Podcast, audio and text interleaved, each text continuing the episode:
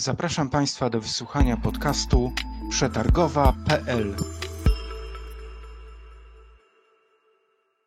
Dzień dobry Państwu. Nazywam się Łukasz Laszczyński i zapraszam do wysłuchania kolejnego odcinka podcastu przetargowa.pl. Dziś Państwa i moim gościem będzie pan Andrzej Raszkowski, profesor Uniwersytetu Ekonomicznego we Wrocławiu oraz Hochschule für Technik und Wirtschaft w Dreźnie. Ekonomista, trener biznesu, doradca strategiczny, wykładowca na studiach MBA. Pan profesor posiada wieloletnią praktykę w obszarze usług konsultingowych.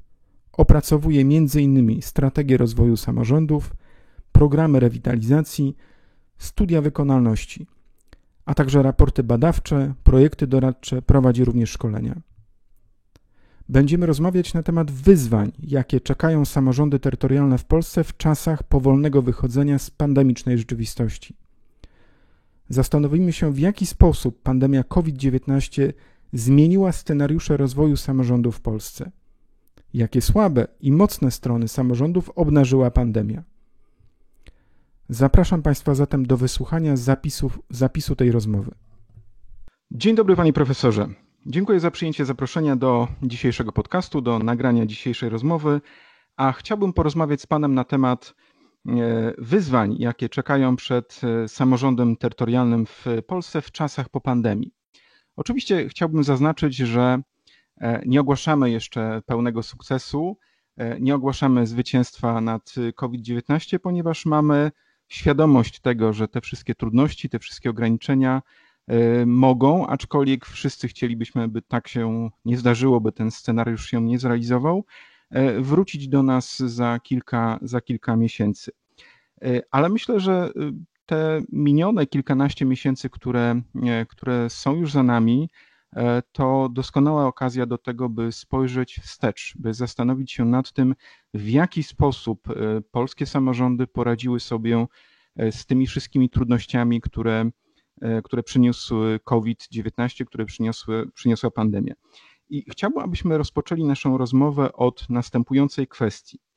E, od takiego pytania, które Pańskim zdaniem obszary, które są związane z codziennym funkcjonowaniem e, samorządu terytorialnego w Polsce, okazały się najbardziej podatne na te gospodarcze i społeczne skutki związane z COVID-19? E, dzień dobry. E, przede wszystkim bardzo dziękuję za zaproszenie.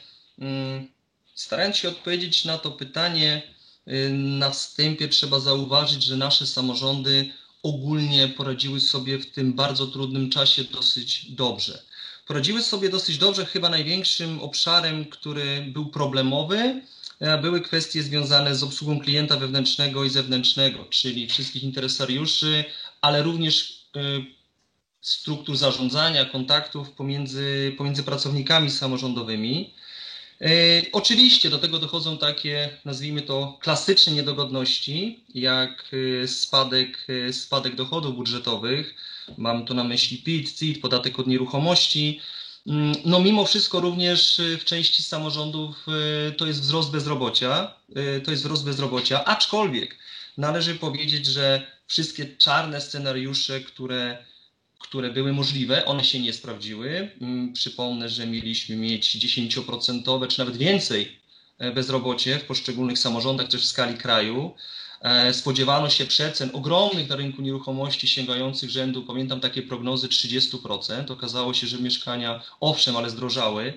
Mhm. Tak więc to się nie sprawdziło. E, obecnie w maju 2021 roku, jesteśmy w tym okresie, również się z Panem zgodzę, nie wiadomo czy postpandemicznym do końca.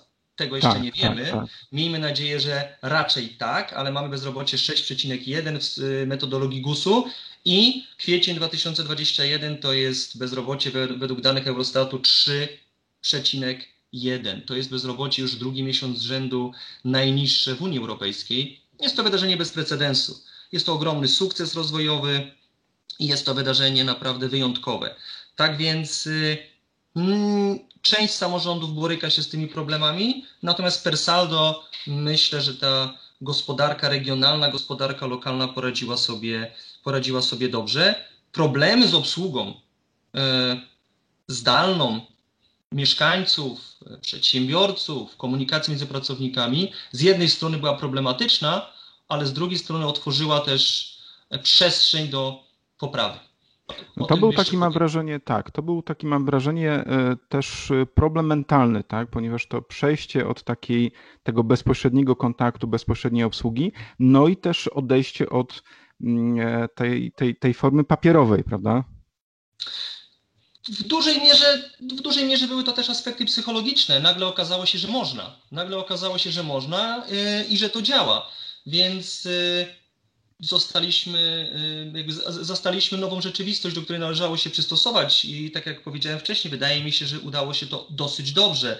Natomiast no, nie oznacza to, że nie było z tym, nie było z tym problemów. Ja y, bardzo dużo rozmawiam z samorządowcami i mm, oni, oni jakby twierdzą, że no jest pewien problem na w komunikacji wewnętrznej powodowany COVID-em, praca z domu, home office, ale, ale są to rzeczy, myślę, które są do przezwyciężenia, a ten aspekt psychologiczny już będzie miał mniejsze znaczenie w przyszłości w rozwoju samorządowym. Mhm. Y, chciałbym, abyśmy tutaj jeszcze chwileczkę mm, zatrzymali się nad problemem y, gmin uzdrowiskowych. No wiem, że Dolny Śląsk jest bliski pańskiemu sercu. Również na terenie Dolnego Śląska takie, takie gminy istnieją.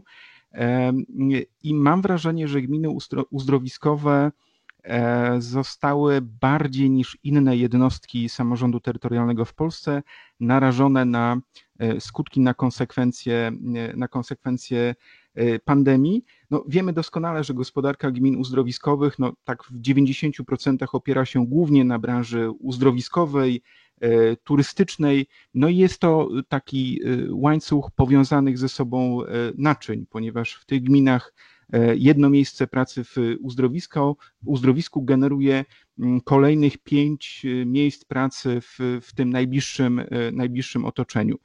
Tak jak pan profesor wspomniał o tych mm, spadających wpływach z PIT-u, z CIT-u, o spadających dochodach spółek komunalnych, to wszystko było bardzo mocno odczuwalne w gminach uzdrowiskowych.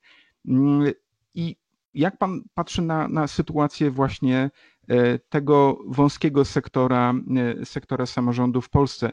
E, w jaki sposób tutaj może, może, może następować wychodzenie właśnie z tego, z tego trudnego okresu? Y, tak, trzeba na początku wspomnieć, że w ogóle całe, cała branża turystyczna została bardzo mocno, y, bardzo mocno osłabiona, jeśli chodzi o kwestię pandemii. No, jest to jedna z branż, myślę, która najbardziej, najsilniej odczuła te skutki. Ja myślę, że bardzo szybko już dojdziemy do tego momentu, kiedy powróci chociażby stuprocentowe obłożenie, możliwość stuprocentowego obłożenia e, hoteli.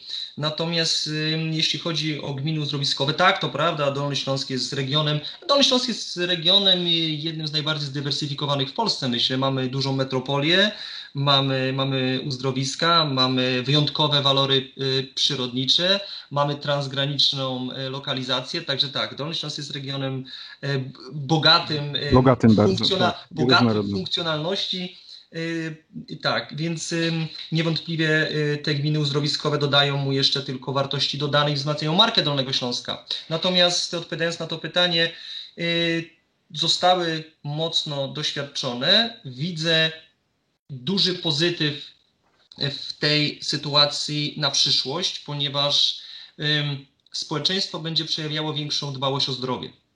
Będzie przejawiało tą dbałość, która wynika z tego, że wszyscy zdaliśmy sobie sprawę, jak jest to sprawa istotna i jak szybko możemy mm, no, być świadkami kłopotów z tym związanych. Więc, a skoro tak, to w najbliższych 10, w najbliższej dekadzie e, ludzie będą chcieli bardziej dbać o siebie, wypoczywać, e, starać się być gotowym do wyzwań zawodowych i te gminy uzdrowiskowe będą z kolei na tym zyskiwały. Oczywiście, że nie, nie będzie to proces z dnia na dzień, ale już, a monitorując rynek turystyczny, widzimy pewne oznaki ożywienia. I miejmy nadzieję, że to będzie kontynuowane, a beneficjentem z uwagi na to, że większą dbałość przywiązujemy do szeroko rozumianego zdrowego stylu życia, będą mhm. gminy uzdrowiskowe, w tym dolnośląskie. Tak jest, czyli mimo wszystko, jeśli chodzi o tego rodzaju samorządy, czyli gminy uzdrowiskowe czy gminy turystyczne, e, myślę, że możemy patrzeć e, w przyszłość sporą dozą optymizmu, tak? Jakby też mając na uwadze e, ten kierunek związany z ochroną zdrowia czy poprawą swojej, swojej kondycji szeroko, szeroko rozumianej o roli e, aglomeracji, akurat w tym przypadku, czy, czy centrów aglomeracji w przypadku Dolnego Śląska, Wrocławia, e, myślę jeszcze za chwileczkę sobie, e, sobie porozmawiamy, ale chciałbym teraz spojrzeć na COVID, konsekwencje pandemii przez pryzmat pozytywnych skutków, ponieważ takowe są, ja takowe widzę. Chciałbym też poznać Pańskie zdanie. Jednym z tych skutków w mojej ocenie jest postępująca elektronizacja sektora publicznego e, w obszarze zamówień publicznych, e, ponieważ przetargowa.pl jest to, jest to ten portal i to miejsce, na którym mówimy, edukujemy w obszarze zamówień publicznych, a więc w obszarze zamówień publicznych ta elektronizacja dokonała się, pełna elektronizacja dokonała się od 1 stycznia. Oczywiście nie ma ona bezpośredniego skutku i związku z samą pandemią jako taką, natomiast w czasie ten proces się zbiegł. No i panie profesorze, na ile głębokie zmiany w obszarze e, tej elektronizacji e, dokonają się właśnie w polskich samorządach i na ile jest to konsekwencją e, pandemicznej rzeczywistości? Jest to, myślę, jeden z efektów ubocznych mm, pandemii, jakkolwiek to zabrzmi, który ma jakieś pozytywne, pozytywne konotacje na przyszłość. Ja tylko chciałem powiedzieć, że kwestia elektronizacji w samorządach, albo może jeszcze szerzej w administracji publicznej, czy też w sektorze publicznym, nie jest rzeczą całkiem nową. E, ja tylko przypomnę, że już e, przynajmniej od końca lat 90. E, pracujemy nad e-urzędem. Staramy się, żeby ta elektronizacja, digitalizacja materiałów, żeby to wszystko postępowało. Na pewno ta trudna sytuacja pandemiczna ten proces przyspieszy. Ja dużą wiarę pokładam w podpis elektroniczny, powiem szczerze zarówno w, w kontekście zamówień publicznych, ponieważ sam też z tego podpisu korzystam, bardzo, bardzo, bardzo sobie to cenię. Jest to ogromne ułatwienie w mojej pracy zawodowej, więc wierzę w podpis elektroniczny. Myślę, że to będzie coś, co jeszcze bardziej to e, no. do przodu, do przodu e, rozwinie tą elektronizację. No, zamówienia publiczne tutaj nie będę ukrywał właśnie w tym obszarze E, wspierają upowszechnienie tak, tej, tej, tej właśnie formy, więc taką, taką, taką rolę sektor, sektor zamówień publicznych e, pełni. Tak, ja dodam jeszcze, że jestem zwolennikiem modelu skandynawskiego czy też szwajcarskiego, w tym sensie, że chciałbym, żeby te wszystkie rzeczy, które nie wymagają osobistego stawiennictwa i które można załatwić e, w kwestii elektronicznej, zdalnej, żeby taka możliwość była. Płatności zdalne, wszelkie inne rozwiązania, to, że tak można i że to działa, pokazano w Polsce sektor bankowy, który mamy jeden z najnowocześniejszych na świecie. Polski sektor bankowy w sensie rozwiązań technologicznych jest jednym e, z nowocześniejszych na świecie e, w takiej skali, więc myślę, że nie ma żadnych przeciwwskazań do tego, żeby polski samorząd poszedł tą drogą i e, ta elektronizacja była na, na, na bardzo wysokim poziomie. Myślę, że powoli w tym kierunku zmierzamy. Mm, podpis elektroniczny powinien to ułatwić. Tak, no jak pan słusznie zauważył, to doskonale działa w sektorze, w sektorze bankowym, czy w ogóle w szeroko rozumianym sektorze komercyjnym. Już wiele spraw naszego życia codziennego jesteśmy w stanie, e, mówiąc kolokwialnie, załatwić e, z poziomu e, smartfona, który trzymamy w naszych, w naszych dłoniach. Chciałbym, panie profesorze, teraz odwołać się do raportu Polskiego Instytutu Ekonomicznego Polskie Miasta w czasach pandemii. W treści tego raportu można przeczytać, że 79% miast badanych w ramach przygotowania e, tegoż, tegoż raportu, to była próba e, ponad 500 miast, ma pod wpływem czy wskutek pandemii gorszą sytuację finansową, zaś 47% z nich dostrzegło pogorszenie się warunków prowadzenia biznesu e, w, w, w miastach, u siebie. Dalej w treści, w treści tego raportu możemy przeczytać, że i tutaj uwaga, 36% miast e, zamierza zwiększyć swoje zadłużenie. Tutaj nie ukrywam z taką nawet i lekką obawą chcę zapytać, czy pańskim zdaniem E, w tych trudnych czasach, bo też zaczęliśmy od tego, że nie wiemy, co się wydarzy za kilka miesięcy, w zasadzie mając na uwadze takie szeroko rozumiane zarządzanie ryzykiem w sektorze publicznym, należy zakładać, że jednak te, te wszystkie trudności powrócą do nas, że będziemy musieli z tym się zmierzyć. A więc moje pytanie, czy w tych trudnych czasach wychodzenie z tej, z tej częściowo, e, nie chcę mówić stagnacji, ale, ale z, z, tego, z tych utrudnień gospodarczych e, poprzez e, zwiększanie zadłużenia samorządów, czy to na pewno jest dobry kierunek, panie profesorze?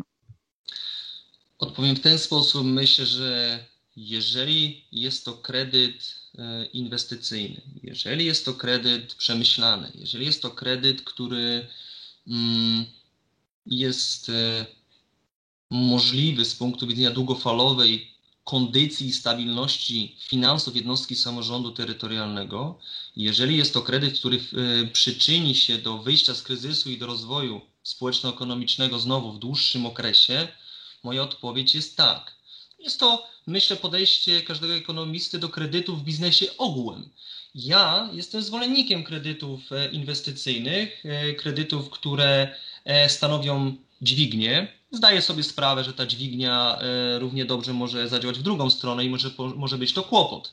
Natomiast e, moim zdaniem takie przemyślane kredyty są, są dopuszczalne, jeżeli oczywiście są one zgodne z uwarunkowaniami prawnymi, które dotyczą samorządów. Pamiętajmy, że samorząd w przeciwieństwie do firmy komercyjnej na troszeczkę innych zasadach funkcjonuje i ustawa, inna jest w ogóle jego... o finansach publicznych, tak? Tak, te, jest te, te obostrzenia, dokładnie. Mm, jakby istota e, istnienia samorządu jest zgoła inna niż e, podmiotów komercyjnych przecież. Natomiast co do samych kredytów, ja dam jeszcze jeden przykład.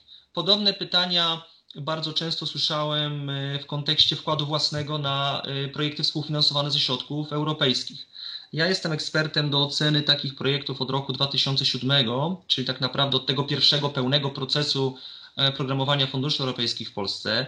E, to jest głównie mm, praca i ocena wniosków dla Polskiej Agencji Rozwoju Przedsiębiorczości, Urzędu Marszałkowskiego Województwa Dolnośląskiego, Zachodniopomorskiego, Narodowe Centrum Badań i Rozwoju oraz Śląskie Centrum Przedsiębiorczości, więc mam pewne spektrum tych projektów. No oczywiście projekty samorządowe to, to w dużej mierze te, które są składane do urzędów marszałkowskich, ale nie tylko.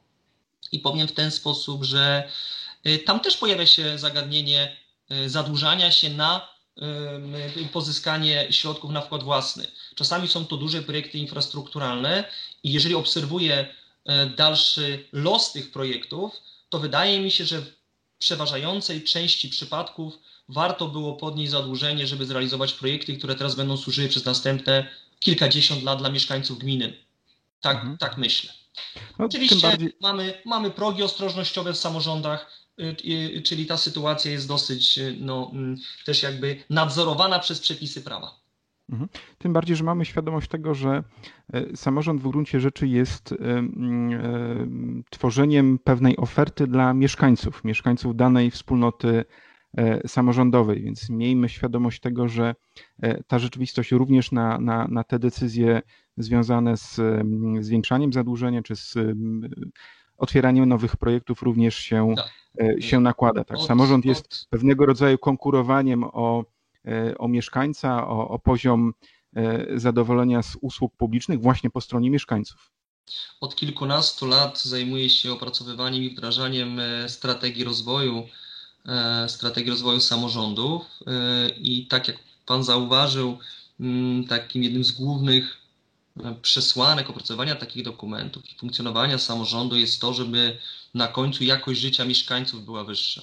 Czyli na końcu jest mieszkaniec, jego jakość życia, na którą składają się tak naprawdę dwa elementy w gminie. Jedna kwestia to jest ten aspekt materialny, to jest poziom zarobków, infrastruktura, ochrona środowiska, kwestia zanieczyszczeń i z drugiej strony te kwestie niemierzalne, czyli takie poczucie zadowolenia, możliwości rozwoju zawodowego, wysokiego poziomu edukacji w gminie. Tak więc to są, to są elementy, którym służy e, efektywne zarządzanie samorządem, jakość życia mieszkańca. No to jest myślę właśnie taka mm, komercyjna strona związana z funkcjonowaniem e, każdego samorządu. Panie profesorze, pozwoli pan wyrażę jeszcze, jeszcze raz swoją, swoją wątpliwość na tle, na tle samorządu i tej, tej sytuacji, sytuacji z wychodzenia z, wychodzenia z pandemii. Czy Pańskim zdaniem pandemia COVID-19 nie pogłębiła i tak już sporych istniejących problemów ze zrównoważonym rozwojem e, i dysproporcjami pomiędzy e, dużymi metropoliami e, a średnimi i małymi miastami w Polsce. Czy te podziały na przestrzeni ostatnich kilkunastu miesięcy nie, nie stały się jeszcze większe? No warto też, myślę, pamiętać, że polskie samorządy do walki z pandemią stanęły i tak w bardzo zróżnicowanych pozycjach, jeśli chodzi o ich sytuację finansową. Jeśli miałbym odpowiedzieć e, bardzo krótko, to odpowiedziałbym, że tak pogłębiły. Niestety. E, moim zdaniem kwestie dysproporcji w rozwoju społeczno-ekonomicznym polskich regionów, e, czy też nawet polskich samorządów, są jednym z większych wyzwań, przed którym stoimy w następnej dekadzie, a może i dłużej, tak? ponieważ są to kwestie, których nie da się rozwiązać, nie da się rozwiązać w sposób przyspieszony. Tak więc myślę, że te dysproporcje są i że na pewno sytuacja pandemiczna im nie sprzyja. Mm, rozwój zrównoważony jest pojęciem bardzo szerokim. Jest to wymiar społeczny, ekonomiczny, środowiskowy, przestrzenny, środowiskowy, przestrzenny, funkcjonalno-polityczny, więc y, jest to złożona materia. Natomiast y, duże ośrodki miejskie po prostu radzą sobie na tym tle lepiej i przez to ta dysproporcja ulega zwiększeniu. I myślę, że z racji e, na tą złożoność, o której wspomniał Pan przed chwileczką, e, proces niwelowania tych dysproporcji musi oznaczać zaangażowanie bardzo wielu interesariuszy. Wspomniał Pan o tym aspekcie politycznym, ja bym dodał również do tego, do tego biznes, ale nie zapominałbym również o przedstawicielach uczelni wyższych, o edukacji. Więc to musi być, mam wrażenie, działanie, e, działanie po pierwsze, no, tak jak powiedział pan profesor wcześniej, e, długofalowe, ale też wymagające zaangażowania bardzo wielu stron. Z pewnością mm, rola edukacji na każdym ze szczebli będzie bardzo istotna. Mm, wydaje mi się, że temat jest bardzo złożony, natomiast wydaje mi się, że szkolnictwo wyższe zmierza w dobrym kierunku w tym sensie, że przynajmniej w naukach społecznych, y, y, tutaj się czuję najpewniej wypowiadając się w tym zakresie, wydaje się, że to powiązanie nauki z praktyką gospodarczą jest sukcesywnie coraz większe.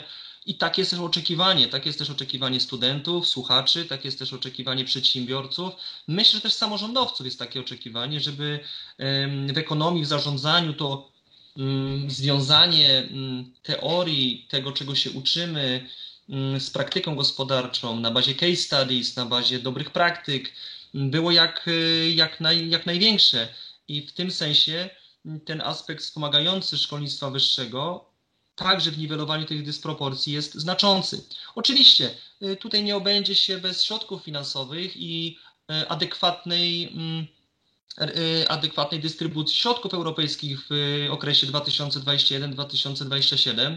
E, tego, tego nie unikniemy, natomiast edukacja jak najbardziej ma tutaj, ma tutaj duże znaczenie. E, tak, no jeszcze pozostając chwileczkę przy, przy tym temacie tych dysproporcji, tego niezrównoważonego w gruncie rzeczy rozwoju i wspomnianego przykładu Dolnego Śląska, ale jakby ten problem dotyczy również i innych regionów naszego kraju. E, no mamy tutaj do czynienia z bardzo często takimi sytuacjami, że duże miasta, duże aglomeracje, e, mówiąc wprost, zasysają e, rynek pracowników. Rozwój edukacji w aglomeracji powoduje, że młodzi ludzie z tych ościennych ośrodków, mniejszych, dużo mniejszych, o dużo mniejszych możliwościach rozwojowych, no mówiąc wprost, uciekają, podejmują decyzje o E, wyborze uczelni, e, wyborze swojego miejsca do życia właśnie w centrum, e, centrum aglomeracji. I paradoksalnie rozwój tych miast, o czym myślę też doskonale wiemy na wielu polach, także na, na, na poziomie komunikacji, no powoduje, że niestety, niestety tutaj mamy, mamy do czynienia z tym, tym wysysaniem całych, całych regionów, ale tak jak pan profesor słusznie zauważył, jest to, jest to problem, jest to zjawisko, które funkcjonuje już w Polsce od od dłuższego czasu. Jeszcze w, w, w klimacie, klimacie, klimacie miejskim chciałbym, żebyśmy mm, zastanowili się nad scenariuszami rozwoju średnich miast w Polsce. Tutaj mówiąc o średnich miastach, rozumiem miasta o liczbie ludności od 20 do 200, 200 e, tysięcy. Jak COVID-19 zmienił scenariusze rozwoju, rozwoju tych miast właśnie?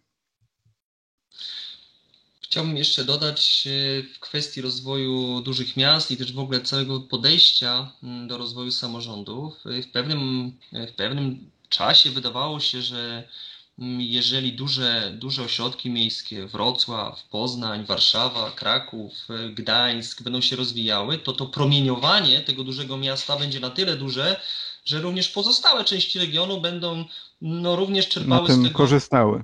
Tak, na tym po prostu korzystały. Mm, wydaje mi się, że to nie działa, e, że Wrocław owszem rozwija się bardzo dynamicznie, e, czy też wszystkie wymienione miasta, natomiast czy te obszary które są, e, przynależą do tych regionów, czy również, tu już można mieć pewną, e, pewną, e, pewne zastanowienie nad tym. Wydaje się, że jednak bardziej należałoby się skupić na rozwoju tych miast, tych mniejszych miast. Ja z, naszego dolnośląskiego podwórka jeszcze tylko powiem, że ja nie za bardzo widzę oddziaływanie Wrocławia na oddaloną E, kilkadziesiąt kilometrów Legnicę, która ma doskonałe połączenie komunikacyjne do Wrocławia i jeżeli ja nie widzę bezpośredniego oddziaływania na to miasto, no to jak, jak mogłoby to e, promieniować dalej?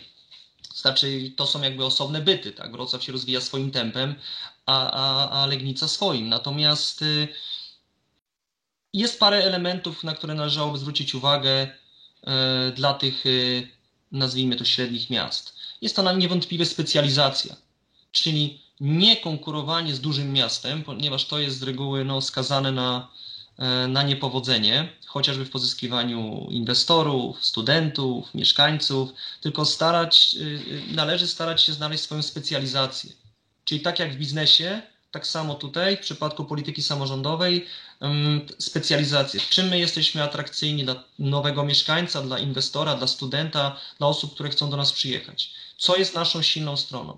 E, mhm. Może to będą produkty lokalne, może to będzie kwestia y, czystego środowiska naturalnego. E, praca zdalna bardzo nam to ułatwi, ponieważ dzisiaj my nie musimy być fizycznie. Nie musimy się mieście. przemieszczać. Tak, no oczywiście nie dotyczy to wszystkich zawodów, od razu, od razu uprzedzam, natomiast w przypadku wielu zawodów jest to możliwe. Więc możemy mieszkać w mniejszym mieście, a mm, czerpać jakby profit z tego, że prowadzimy biznes z firmami z dużych miast.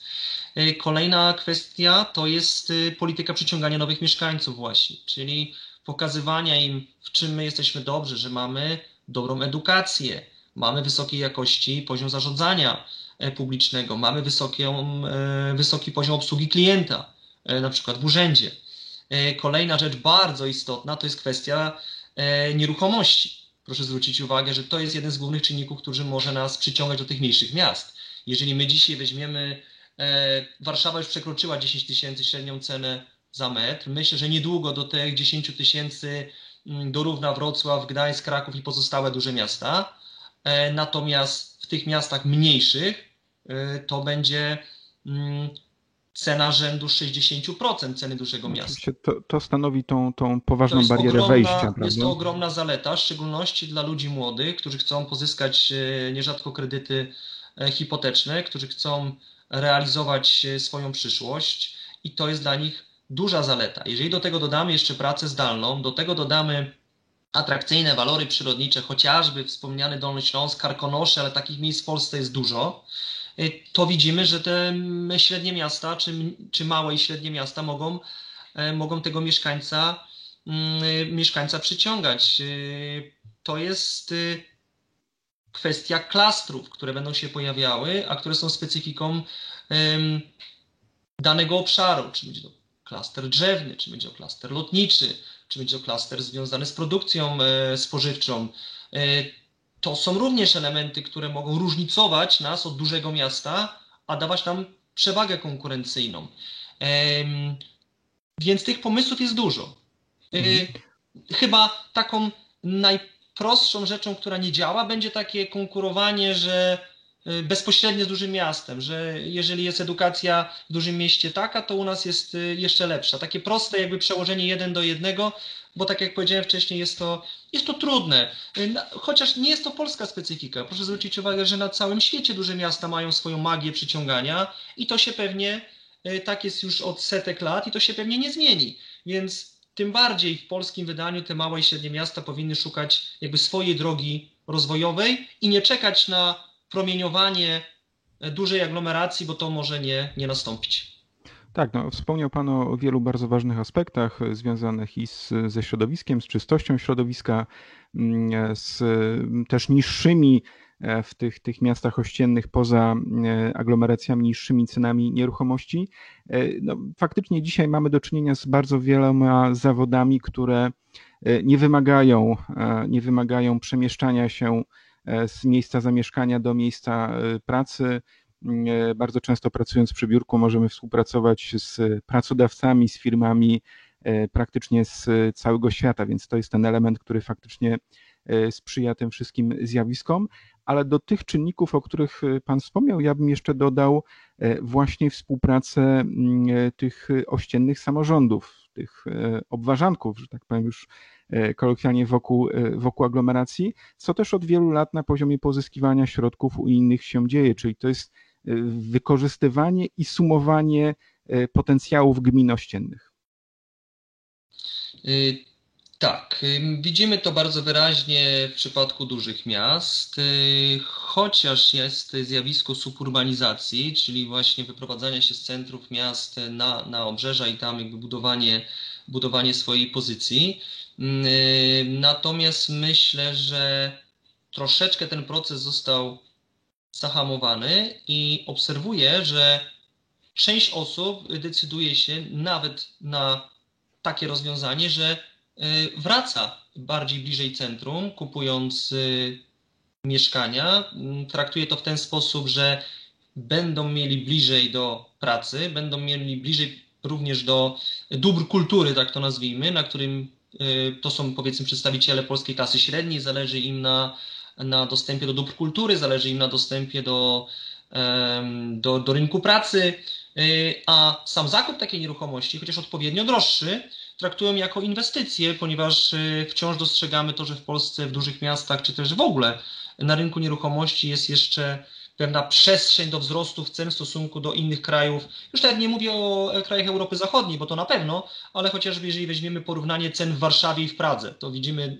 że tu jest jeszcze jakby pewne pole do, e, do wzrostów. Czy tak się stanie, no, tego do końca nikt nie wie, natomiast wydaje się, że przynajmniej żadnych spadków gwałtownych nie należy się spodziewać, więc z jednej strony jest to zjawisko tej obważankowości, tak to nazwijmy, i mhm, ono, czy mhm. też suburbanizacji, natomiast z drugiej strony mm, część osób decyduje się na odwrotny kierunek i wraca do centrów miast, żeby tam mieszkać, pracować i, i też inwestować swoje, swoje środki. Tak więc mhm. jest to podwójna y, sytuacja. Y, skutkuje to również tym, że te y,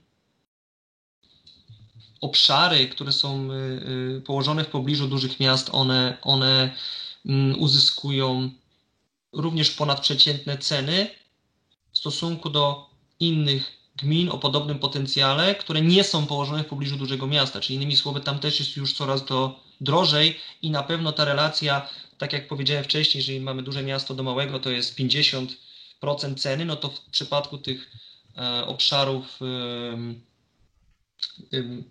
które przynależą do aglomeracji miejskich, czy, czy są położone w pobliżu, już mhm. tak to nie wygląda, jest po prostu drożej.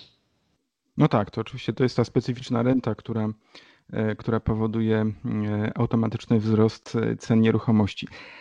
Ale skoro rozmawiamy, panie profesorze, już teraz odeszliśmy chwilowo od tego smutnego tematu pandemii, rozmawiamy o kwestii, kwestii finansów, to chciałbym zapytać, na ile pańskim zdaniem silnym bodźcem rozwoju polskich samorządów w ciągu e, kilku najbliższych lat będą, e, będą fundusze unijne. I tutaj w tym miejscu chciałbym wskazać, że od początku marca trwały, e, trwały rozmowy na poziomie Ministerstwa Funduszy i Polityki Regionalnej z przedstawicielami wszystkich województw na temat podziału funduszy unijnych na lata 2021-2027 na te programy na poziomie regionalnym, wojewódzkim. I w tej perspektywie finansowej polskie województwa będą miały do dyspozycji prawie 29 miliardów euro. Tyle, tyle środków będzie, e, będzie do wykorzystania. Jeśli chodzi o e, wspominany już wielokrotnie tutaj Dolny Śląsk, mm, e, to na poziomie, na poziomie regionalnym do wykorzystania będzie, będzie spora ilość środków, niewiele ponad, ponad półtora miliarda, miliarda euro. Znaczy niewiele, ale jest to, jest to, jest to duża, duża alokacja, więc na ile to będzie element i bodziec szybkiego rozwoju, który pomoże w, wychodzeniu z tych pandemicznych trudności? Będzie to znaczący, będzie to znaczący, znaczące wspomaganie. Zresztą od, my od początku, kiedy mamy możliwość uzyskania wsparcia z funduszy europejskich, wykorzystujemy je e, nawet na tle innych krajów Unii Europejskiej dosyć dobrze. E, teraz okazuje się, że tych źródeł finansowania wydatków, w tym wydatków samorządowych, będzie, będzie kilka, przynajmniej kilka, więc y, na pewno będzie to ważne. Ja powiem w ten sposób, że bardzo ważne będzie umiejętne wydanie tych środków. Być może to jest tak, że to już jest ostatni tak duży, y, tak, duży, y, tak duże wsparcie dla, dla, dla Polski, czyli te lata 2001-2007. Tym bardziej warto e, to dobrze wykorzystać efektywnie. Natomiast y, postrzegam to wsparcie funduszy unijnych jako bardzo, bardzo istotne. Generalnie mm, na bazie swojego doświadczenia postrzegam wpływ funduszy europejskich y, na rozwój kraju i samorządów jako bardzo, bardzo znaczący, ale też w skali całej Unii Europejskiej można pokazać projekty, które okazały się per saldo bardzo, bardzo udane. Mm, teraz z perspektywy czasu, na przykład w sferze społecznej, e, postrzegamy program Erasmus jako jeden z takich, który e, pozwolił na, na poznanie się Europejczykom, młodym ludziom. Na początku ten program był tak traktowany troszeczkę, nazwijmy to z przymrużeniem oka, prawda, że e, Dzisiaj to jest studenci... taka, taka rzeczywistość, tak, która, która wokół nas jest po prostu, tak? Nawet tego tak, nie zauważamy. Okazało się, że ta, ta wiedza o innych krajach, poszerzanie horyzontów, e, poznawanie nowych kultur, poznawanie innych punktów widzenia, e, podpatrywanie rozwiązań biznesowych, edukacyjnych, jeśli chodzi o takie miękkie właśnie projekty finansowane z Europejskiego Funduszu Społecznego, okazało się, że był to, był to, była to inicjatywa, była, jest inicjatywa raczej, raczej udana. W polskim wydaniu najbardziej te środki widać oczywiście w kwestiach infrastrukturalnych, w kwestii e, budowy dróg e, ekspresowych, autostrad, w kwestii e, obiektów ochrony środowiska, w kwestiach wszelkiej modernizacji przedsiębiorczości, tak więc, tak więc w kwestii infrastruktury społecznej, szkół chociażby, więc tych przykładów jest naprawdę bardzo dużo i myślę, że ten impact rozwojowy w połączeniu z naszymi środkami publicznymi, budżetowymi da naprawdę e, duży, duży impuls rozwojowy. Tak, ale dotknął Pan bardzo ważnego problemu i za to, za to dziękuję, ponieważ mm, e, akurat przykład Erasmusa pokazuje, że te projekty miękkie, prospołeczne mają również ogromne znaczenie, że nie tylko i wyłącznie twarda infrastruktura, której oczywiście w Polsce na przestrzeni e, ostatnich dziesięcioleci, co jest, co jest kwestią oczywistą, po prostu brakowało. Dobrze, panie profesorze, mm, to jeszcze zapytam, skoro mówimy o środkach unijnych, mm, e, skoro, skoro podkreśliliśmy e, zalety, zalety możliwości sięgania po, e, po te środki, to chciałbym zapytać jeszcze, czy widzi Pan jakąś alternatywę, to znaczy inne źródła finansowania dla projektów samorządowych, tych projektów prorozwojowych? Myślę, że pominąwszy kwestię budżetu samorządowego oraz y, środków publicznych, do których zaliczamy fundusze europejskie, mm, na pewno inwestycje prywatne mogą się do tego przyczynić, e, czy też taka forma e, tych inwestycji prywatnych, która w połączeniu z publicznymi środkami, czyli kwestia partnerstwa prywatnego, chociaż to akurat nie jest, mam wrażenie, ten potencjał zagospodarowany. Innymi słowy można powiedzieć, że bezpośrednie inwestycje zagraniczne, czyli środki inwestorów, którzy E, zadecydują do tego, żeby kolejne inwestycje w Polsce realizować. Ja tylko dodam, że my jesteśmy krajem jednym z takich, e, który czerpie znaczące profity z bezpośrednich inwestycji zagranicznych od lat. E, ta kwestia pandemiczna mm, w tej sytuacji również może być dla nas korzystna w tym sensie, że dużo firm, międzynarodowych koncernów przekonało się, że łańcuchy dostaw, które są uzależnione chociażby od rynków azjatyckich, są narażone na troszeczkę większe ryzyko niż wtedy, kiedy te łańcuchy dostaw są bardziej, e, nazwijmy to, bliżej e, zlokalizowane dla potencjalnych e, działalności produkcyjnej.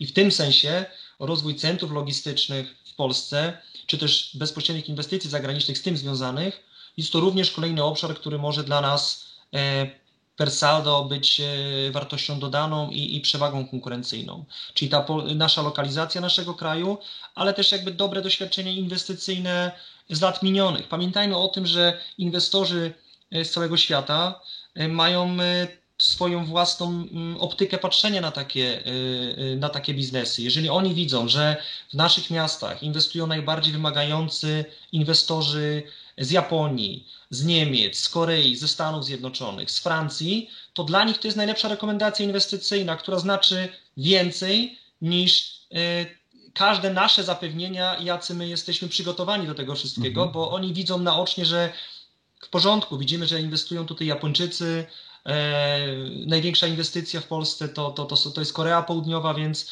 a to są ostrożni inwestorzy, no to taki inwestor z Kanady przysłowiowej powie, o, to myślę, że tutaj jest kraj, gdzie warto się nad tym zastanowić i przystąpić do, e, do dalszych rozmów. Czyli te dotychczasowe doświadczenia inwestycyjne w Polsce i w polskich samorządach są takim CV dla nas, tak? To są takim, mhm. mamy takie portfolio projektów, którymi się możemy pochwalić i to dotyczy bardzo wielu polskich miast. E, tutaj nie, nie, nie, nie musimy wymieniać e, miast, bo, bo to dotyczy większości polskich miast. Tych większych to już na pewno. Mhm. No, wspomniał Pan o, o, tej współpracy na linii, e, na linii e, samorząd terytorialny biznes. E, zanim jeszcze zapytam o to, to chciałbym jeszcze chwileczkę wrócić do, do właśnie tych kwestii pozyskiwania środków zagranicznych, inwestorów. No, to, wymaga, to wymaga po stronie samorządu współpracy z szeroko rozumianą administracją, administracją centralną, więc też wychodzenie poza, poza obszar swojej własnej działalności. E, wspomniał Pan o kwestiach lokalizacyjnych, kwestiach związanych z infrastrukturą. Tutaj wielokrotnie mm, e, w trakcie naszej rozmowy przewijał się przykład Dolnego Śląska i myślę, że warto też jakby to, to pokazać w kontekście tego regionu, bo kwestie, kwestie lokalizacyjne i kwestie infrastrukturalne akurat e, na terenie Dolnego Śląska o lokalizacji kilku kluczowych inwestycji w ostatnich latach mm, zadecydowały. Przechodząc do tematu właśnie współpracy na linii y, samorząd-biznes, to tutaj e, od razu, mm, od razu z tyłu głowy mam partnerstwo publiczno, y, publiczno-prywatne. I mam wrażenie, panie profesorze, że samorządy w Polsce nadal bardzo ostrożnie podchodzą do e, współpracy z partnerami prywatnymi w tej formule, ale tutaj bym od razu tak zasiał takie ziarnko wątpliwości. Tak? Na ile wycenia Pan realny potencjał tej formuły PPP dla realizacji zadań publicznych? Bo być może jest tak, że e, ta stosunkowo niewielka ilość projektów w stosunku do e, jakby całego zakresu uwagi, e, która została poświęcona PPP, być może nie jest przypadkowy. Potencjał ten oceniam jako suplementarny, uzupełniający. Mm, myślę, że na pewno jest y, pole do takiej współpracy, natomiast z różnych przyczyn, o których za chwilę powiemy, ona nie rozwija się aż tak bardzo dynamicznie, jak można byłoby się spodziewać. Y, przyczyn jest kilka. Mm, y, musimy, musimy też pamiętać, tak jak w przypadku wspomnianych wcześniej inwestorów zagranicznych i że, że, że również firmy komercyjne patrzą poprzez pryzmat swoich korzyści. E, I tutaj jest kwestia, na ile te korzyści z takiej konkretnej współpracy dla nich są. Czyli innymi słowy, tutaj może być przeszkodą zwykły biznesplan, który pokazuje, że może niekoniecznie warto wchodzić w to partnerstwo. Jeżeli my te środki zainwestujemy alternatywnie jako firma, to możliwe, że mamy lepsze po prostu możliwości zainwestowania tych środków. Znaczy, to też myślę i warto to podkreślić, panie profesorze, że to jest właśnie zaleta e, tych projektów realizowanych w formule PPP. One są zdecydowanie bardziej dojrzałe właśnie też z tego, e, z tego powodu.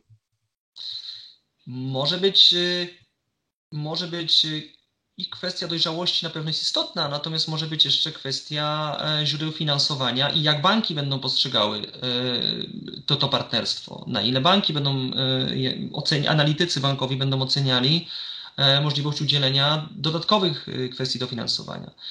Jest jeszcze jedna kwestia, o której nie należy zapominać, ona jest bardzo istotna, jest to kwestia mm, takiego podejścia samorządowców, czy takich pewien, pewnych obaw przed y, y, tą współpracą z uwagi na aspekty społeczne, czyli takiego postrzegania współpracy sektor publiczny, firma prywatna. Czyli obawa, żeby nie było żadnych wątpliwości e, co do absolutnej zasadności takiej inwestycji. I to jest czynnik wbrew pozorom bardzo istotny. Ja tylko dam przykład, bo my mówimy, my mówimy tutaj o dużych przetargach, natomiast y, ja, ja zejdę szczebel niżej, jeśli chodzi o zamówienia mhm. publiczne i dam przykład chociażby y, zapytań ofertowych. Proszę zwrócić uwagę, że y, myślę, że 80-90% tych zamówień opiera się na 100% cena. I teraz zdradza się pytanie, czy to jest e, najlepsza kwalifikacja do usług zamawianych przez samorząd? Czy, to, czy, czy 100% cena jest najlepszym kryterium? No Moim tak, zdaniem jest, to, jest to dyskusyjne i jeżeli zapytamy samorządowców, dlaczego tak jest, odpowiedzą, że e, żeby nie było żadnych wątpliwości. I pewnie ten mechanizm myślowy możemy ekstrapolować na działania związane z całym PPP. Mhm.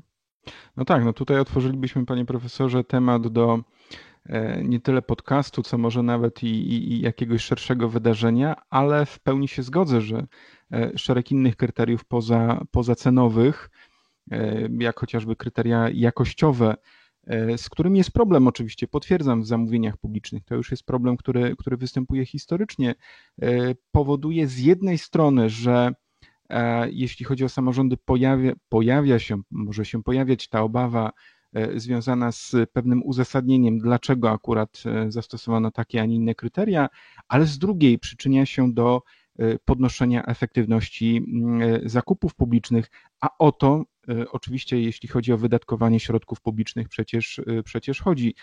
Nowa ustawa, która jest z nami, nowa ustawa Prawo Zamówień Publicznych, która jest z nami od 1 stycznia, za jednym z takich fundamentalnych celów stawia sobie właśnie podniesienie efektywności, efektywności zakupów. E, dobrze, panie profesorze, rozmawiamy mm, teraz o tej współpracy na linii, na linii samorząd-biznes. Jeśli chodzi o samorząd w Polsce, w ubiegłym roku obchodziliśmy 30-lecie mm, tegoż, tegoż samorządu i gdybyśmy tak bardzo króciutko E, mogli się e, odnieść przez taką perspektywę, e, perspektywę historyczną, zatrzymać i, i spojrzeć na tą perspektywę minionych 30 lat. Czy widzi Pan jakąś taką ewolucję tej komunikacji samorząd, biznes? Czy, czy, czy jesteśmy na tej drodze zdecydowanie dalej? Czy jest więcej zaufania? Czy jest więcej transparentności? Jestem ciekawy, jak Pan to ocenia. Zdecydowanie tak. Zdecydowanie tak. Jest dużo, jest dużo więcej zaufania, jest dużo więcej jakości, jest dużo więcej profesjonalizmu.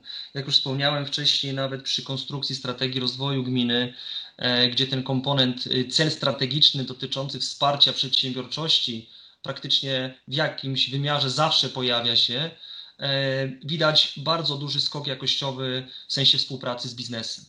Kwestia e, polega na tym, że samorządy E, zdają sobie sprawę, że efektywna współpraca z biznesem pozwoli im w większym zakresie zrealizować ten główny cel, którym jest podniesienie jakości życia mieszkańców. Tak po prostu.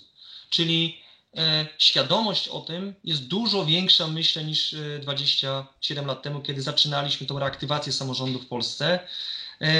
Z drugiej strony jest jeszcze jedna rzecz i jeszcze jeden proces ma miejsce, o który ja mm, staram się go pielęgnować od, od, początku mojej przygody z pracą na, na uniwersytecie, a mianowicie, żeby przenosić najlepsze rozwiązania biznesowe na grunt funkcjonowania jednostek samorządu terytorialnego. I to w każdym możliwym wymiarze. Od strategii, przez obsługę klienta, po kwestie e, finansów. Czyli mhm. to jest, e, oczywiście nie da się tego zrobić jeden do jednego, natomiast e, w dużej części tak można zrobić. Mhm. No nie chciałbym trywi trywializować, ale myślę, że ta moja puenta, o której za chwileczkę będzie takim dobrym podsumowaniem akurat pańskiej odpowiedzi, że biznes jest potrzebny samorządowi do życia, jest niezbędny. To jest, to jest taka oczywista, oczywista rzecz. I panie profesorze, na koniec chciałbym taką klamrą zamknąć naszą, naszą rozmowę i wrócić mimo wszystko do tematu covidowego, ale z racji na E, na pański, e, pański obszar zawodowy, pańską specjalizację, pańską działalność, e, zamknąć to takim spojrzeniem na, na edukację. I chciałbym prosić o taką, taką refleksję i odpowiedź na pytanie, na ile COVID dokonał, ale tutaj pytam o takie najgłębsze pokłady, dokonał przeobrażeń w edukacji w Polsce, a może szerzej na świecie, bo, bo tutaj nie funkcjonujemy jako oczywiście e, samotna wyspa. E, ja może jeszcze tylko chciałem dodać jedną rzecz w nawiązaniu do poprzedniego pytania i tego 27 lat e, reaktywacji mhm. samorządu, to mamy jeszcze jedno, e, jeszcze jeden okres 27-letni, a mianowicie jest to, są to lata wzrostu gospodarczego w Polsce, mierzonego PKB, to są lata 1992-2019. Dopiero COVID nam no, e, przerwał. Nie, nieprzerwany ciąg, prawda? Tak, bardzo szkoda, wielka szkoda, ponieważ tutaj e, szliśmy na pewien rekord świata, jeśli chodzi o to, bo, a to jest i tak imponujący wynik. I mm, starajmy się też czasami E, w tych kwestiach dotyczących rozwoju, ekonomii, mm, też patrzy na takie e, sukcesy, a te 27 lat nieprzerwanego wzrostu, które jest udziałem wszystkich sił e, w Polsce, to jest coś, czym można się chwalić i, i też to należy robić. Jeszcze jeden taki wskaźnik, który, który nie podlega nie, nie podlega wartościowaniu, to jest kwestia infrastruktury technicznej, e, infrastruktury drogowej. Jeden przykład. E, mamy rok 2004, mamy około 600 km e, dróg ekspresowych, właściwie ich tam prawie nie ma, ale autostrada. A dziś, w roku 2021, jeżeli weźmiemy pod uwagę te drogi, które są w budowie, to mamy prawie 5,5 tysiąca kilometrów. To jest ogromny skok cywilizacyjny, o którym też na co dzień może nie pamiętamy. Czyli dużo, dużo się wydarzyło rzeczy, rzeczy bardzo ważnych. I przechodząc teraz do odpowiedzi na pytanie odnośnie przeobrażenia e, wynikającego z, z, pandemii, która jeszcze jest, ale miejmy nadzieję już nie wróci do nas w takim wymiarze, w jakim była. Mm, ja powiem w ten sposób. Ja pracowałem zdalnie i zamieszczałem swoje materiały e, w kwestii biznesowej, w kwestii dla moich studentów. E, robiłem to wcześniej, nim to było modne. Tak? Robiłem to, nim to było modne. Wykorzystywałem platformy ResearchGate, Akademia Edu i to się dobrze sprawdzało. Potem nastała pandemia i na pewno kwestia zdalnego dostępu do, do wiedzy jeszcze bardziej uległa pogłębieniu, poszerzeniu, co nie ukrywam, że bardzo mnie cieszy, ponieważ mhm. ja jestem dużym zwolennikiem dostępu do wiedzy, nieograniczonego dostępu do wiedzy. E, jestem dużym zwolennikiem formuły open access, czyli bezpłatnego dostępu do zasobów wiedzy. Uważam, że akuratnie w tym obszarze ten dostęp powinien być bezpłatny. Są inne obszary, gdzie można generować e, zyski, ale akuratnie ten dostęp społeczeństwa, czy też nawet można być ludzkości do wiedzy, powinien być bezpłatny i tak też się w dużej części przypadków dzieje. E, podcasty, e, kwestie związane z materiałami umieszczanymi na portalach dla naukowców, kwestie mm, wydawnictw, które publikują w formule open access, wszystkiego rodzaju kursy. No, no, to już nie zawsze bezpłatne, prawda? Mhm. Natomiast mhm. ogrom dostępu do wiedzy online jest y, większy niż kiedykolwiek na świecie. No tak, tutaj dotyka Pan, Panie Profesorze, bardzo ważnego problemu, bo sama walka z COVID-19 stała się również w większym stopniu możliwa dzięki właśnie temu otwarciu, otwarciu świata nauki na, na, na, na wyniki badań, więc można powiedzieć, że to jest ten element, który który naukę rozwija. Ta, ta otwartość, ta ogólna dostępność, o której Pan mówił wcześniej. Postęp, postęp jest ogromny. Jeszcze nie tak dawno temu, jeżeli jakaś książka e, nie była w wersji drukowanej, to tak jakby w cudzysłowie jej nie było. E, proszę zwrócić uwagę, że jeżeli publikowaliśmy artykuł i ten artykuł był bardzo dobry nawet, ale troszeczkę dotyczący pewnej niszy rozwojowej, to przeczytało go kilkadziesiąt, może kilkaset osób.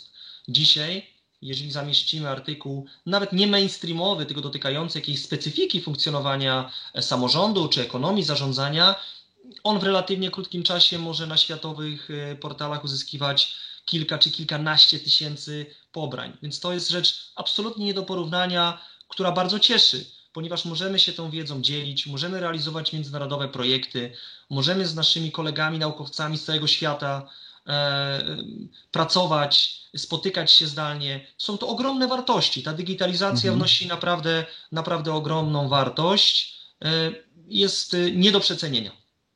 I, czy, I tutaj dodam, ale zarazem jeszcze zapytam, i czy nie odnosi Pan takiego wrażenia, że obecna covidowa sytuacja doprowadziła do takiej swoistej redefinicji studiowania jako takiego, ponieważ mam wrażenie, że te kontakty na linii student E, wykładowca, mentor, profesor, e, one z powrotem jakby wróciły do, e, do tego nurtu studiów, to znaczy samodzielnej pracy nad sobą, do pogłębiania, do studiowania. Czy, czy, czy pan w swojej praktyce czuje podobnie? Tak, zdecydowanie. Mm, poruszył Pan bardzo, bardzo istotny wątek. Ja praktycznie zarówno we Wrocławiu, jak i w Dreźnie, E, czy też w innych e, szkołach, e, z którymi mam przyjemność współpracować, pracuję zdalnie. To już jest tak naprawdę półtorej roku takiej pracy, więc można mieć pewną refleksję. Powiem w ten sposób, że mm, nie ma powrotu moim zdaniem do tego, co było. Nie ma powrotu do, do roku 2018-19. Wydaje mi się, że mm, możemy jedynie udoskonalać te procesy, które obecnie funkcjonują. Oczywiście zawsze będzie grupa osób, która będzie preferowała te zajęcia tylko w formule stacjonarnej. Tradycyjnej. Tak, i ma to nawet swoje uzasadnienie. Y, jeżeli jest jakaś forma studiów, która opiera się w przeważającej wierze na kontaktach międzyludzkich, na networkingu, na wymianie tych doświadczeń, no to ja rozumiem, że ci y, słuchacze mogą oczekiwać od tego, że ten komponent stacjonarny będzie obecny. Natomiast jest e, część osób, które uważają, że taka forma studiowania tak naprawdę z dowolnego miejsca na świecie jest bardzo atrakcyjna dla nich. Więc myślę, że zostaniemy z modelem hybrydowym. Zostaniemy z modelem hybrydowym, który nam pozwoli wykorzystać zalety obu form studiowania, czyli z jednej strony formułę zdalną, ale z drugiej strony możliwość no jednak y, osobistego spotkania. Mhm. Y, panie profesorze, powoli kończąc już nasze, nasze spotkanie, naszą rozmowę e, i, i próbując, próbując ją podsumować, ja jeszcze wrócę do tej kwestii, e, która chciałbym, żeby tak bardzo wyraźnie wybrzmiała, ponieważ e, wspomniał Pan mm, o tym, że mm, te, te, te, te prawie 30 lat rozwoju samorządu terytorialnego w Polsce, w tym, w tym nowym wydaniu, to jest generalnie wspólny sukces wszystkich sił politycznych, ale również wszystkich nas, obywateli, mieszkańców e, miast małych, dużych, e, aglomeracji, miejscowości ościennych. E, I myślę, że, że warto o tym pamiętać, że, że jest to efekt naszej wspólnej pracy. I to jest, myślę, i to jest, myślę, również istota, istota samorządu, że tak wiele spraw zależy, zależy od nas samych, że są to sprawy, które są nam absolutnie najbliższe, ale zarazem i to jest piękne samorządu. E, są to sprawy ogromnej, e, ogromnej wagi. Panie profesorze, to była ogromna przyjemność móc e, rozmawiać z Panem. Myślę, że również i dla Państwa to była inspirująca rozmowa. A Państwa i moim gościem był dzisiaj Pan profesor Andrzej Raszkowski. Bardzo dziękuję za rozmowę. Dziękuję, do usłyszenia.